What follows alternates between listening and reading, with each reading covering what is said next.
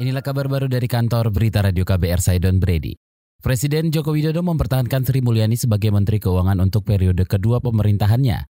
Sri Mulyani mengatakan Jokowi memerintahkannya melanjutkan pekerjaan untuk menjaga perekonomian di dalam negeri di tengah berbagai risiko global. Jokowi juga meminta be, memintanya bekerja kompak dengan menteri-menteri lain di bawah koordinasi Menko Perekonomian bagaimana kita terus bekerja untuk menciptakan kesempatan kerja. Jadi bagaimana kita terus mendorong uh, perekonomian kita agar mampu untuk terus meningkatkan kualitas uh, penciptaan kesempatan kerja.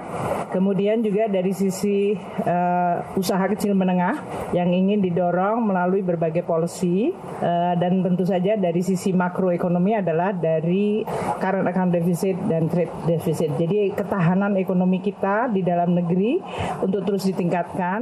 Sri Mulyani bersedia menjadi Menteri Keuangan lagi karena merasa harus membantu pemerintahan Jokowi Ma'ruf Amin menjaga perekonomian tetap stabil.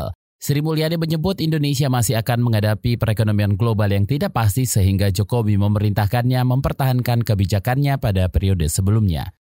Partai Nasional Demokrat menyebut Partai Gerindra tidak beradab dalam menentukan sikap politik.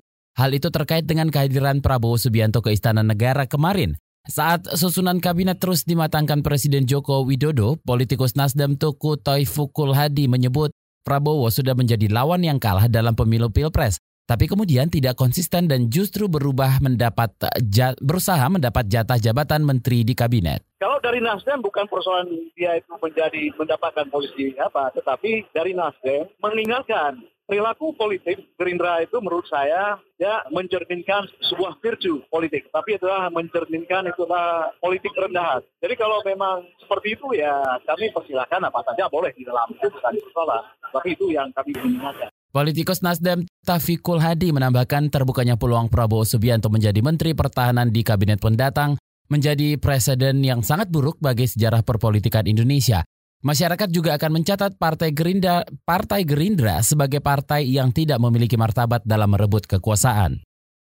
Saudara kericuhan mewarnai laga sepak bola di Indonesia. Aksi saling pukul sejumlah supporter dan personil tim terjadi usai laga Persis Solo melawan PSIM Yogyakarta. Informasi selengkapnya kita simak laporan kontributor Yuda Satriawan langsung dari Solo, Jawa Tengah. Polresta Solo sudah melarang para supporter Persis Solo Pasupati untuk datang ke Yogyakarta saat laga Persis Solo melawan PSIM Yogyakarta di Stadion Mandala Kridosono, Yogyakarta kemarin. Kapolresta Solo Andi Rifai mengatakan polisi sudah melakukan penjagaan di akses keluar masuk kota Solo, mencegah para supporter Laskar Samber Nyawa itu menuju Yogyakarta. Kalau untuk supporter kemarin sudah disampaikan juga ke korlapnya untuk tidak apa ke Jogja. Kemarin sudah disampaikan ke grup dari Pasopati, kemudian dari supporter yang lainnya. Tapi tetap kita antisipasi untuk supporter-supporter yang ber, pergi sendiri. Laga Persis Solo melawan PSIM Yogyakarta kemarin berlangsung rusuh.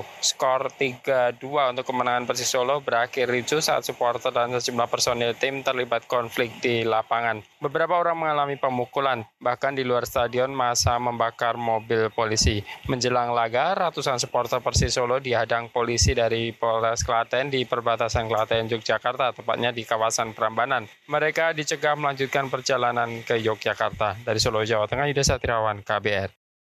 Demikian kabar baru dari kantor Berita Radio KBR. Saya Don Brady.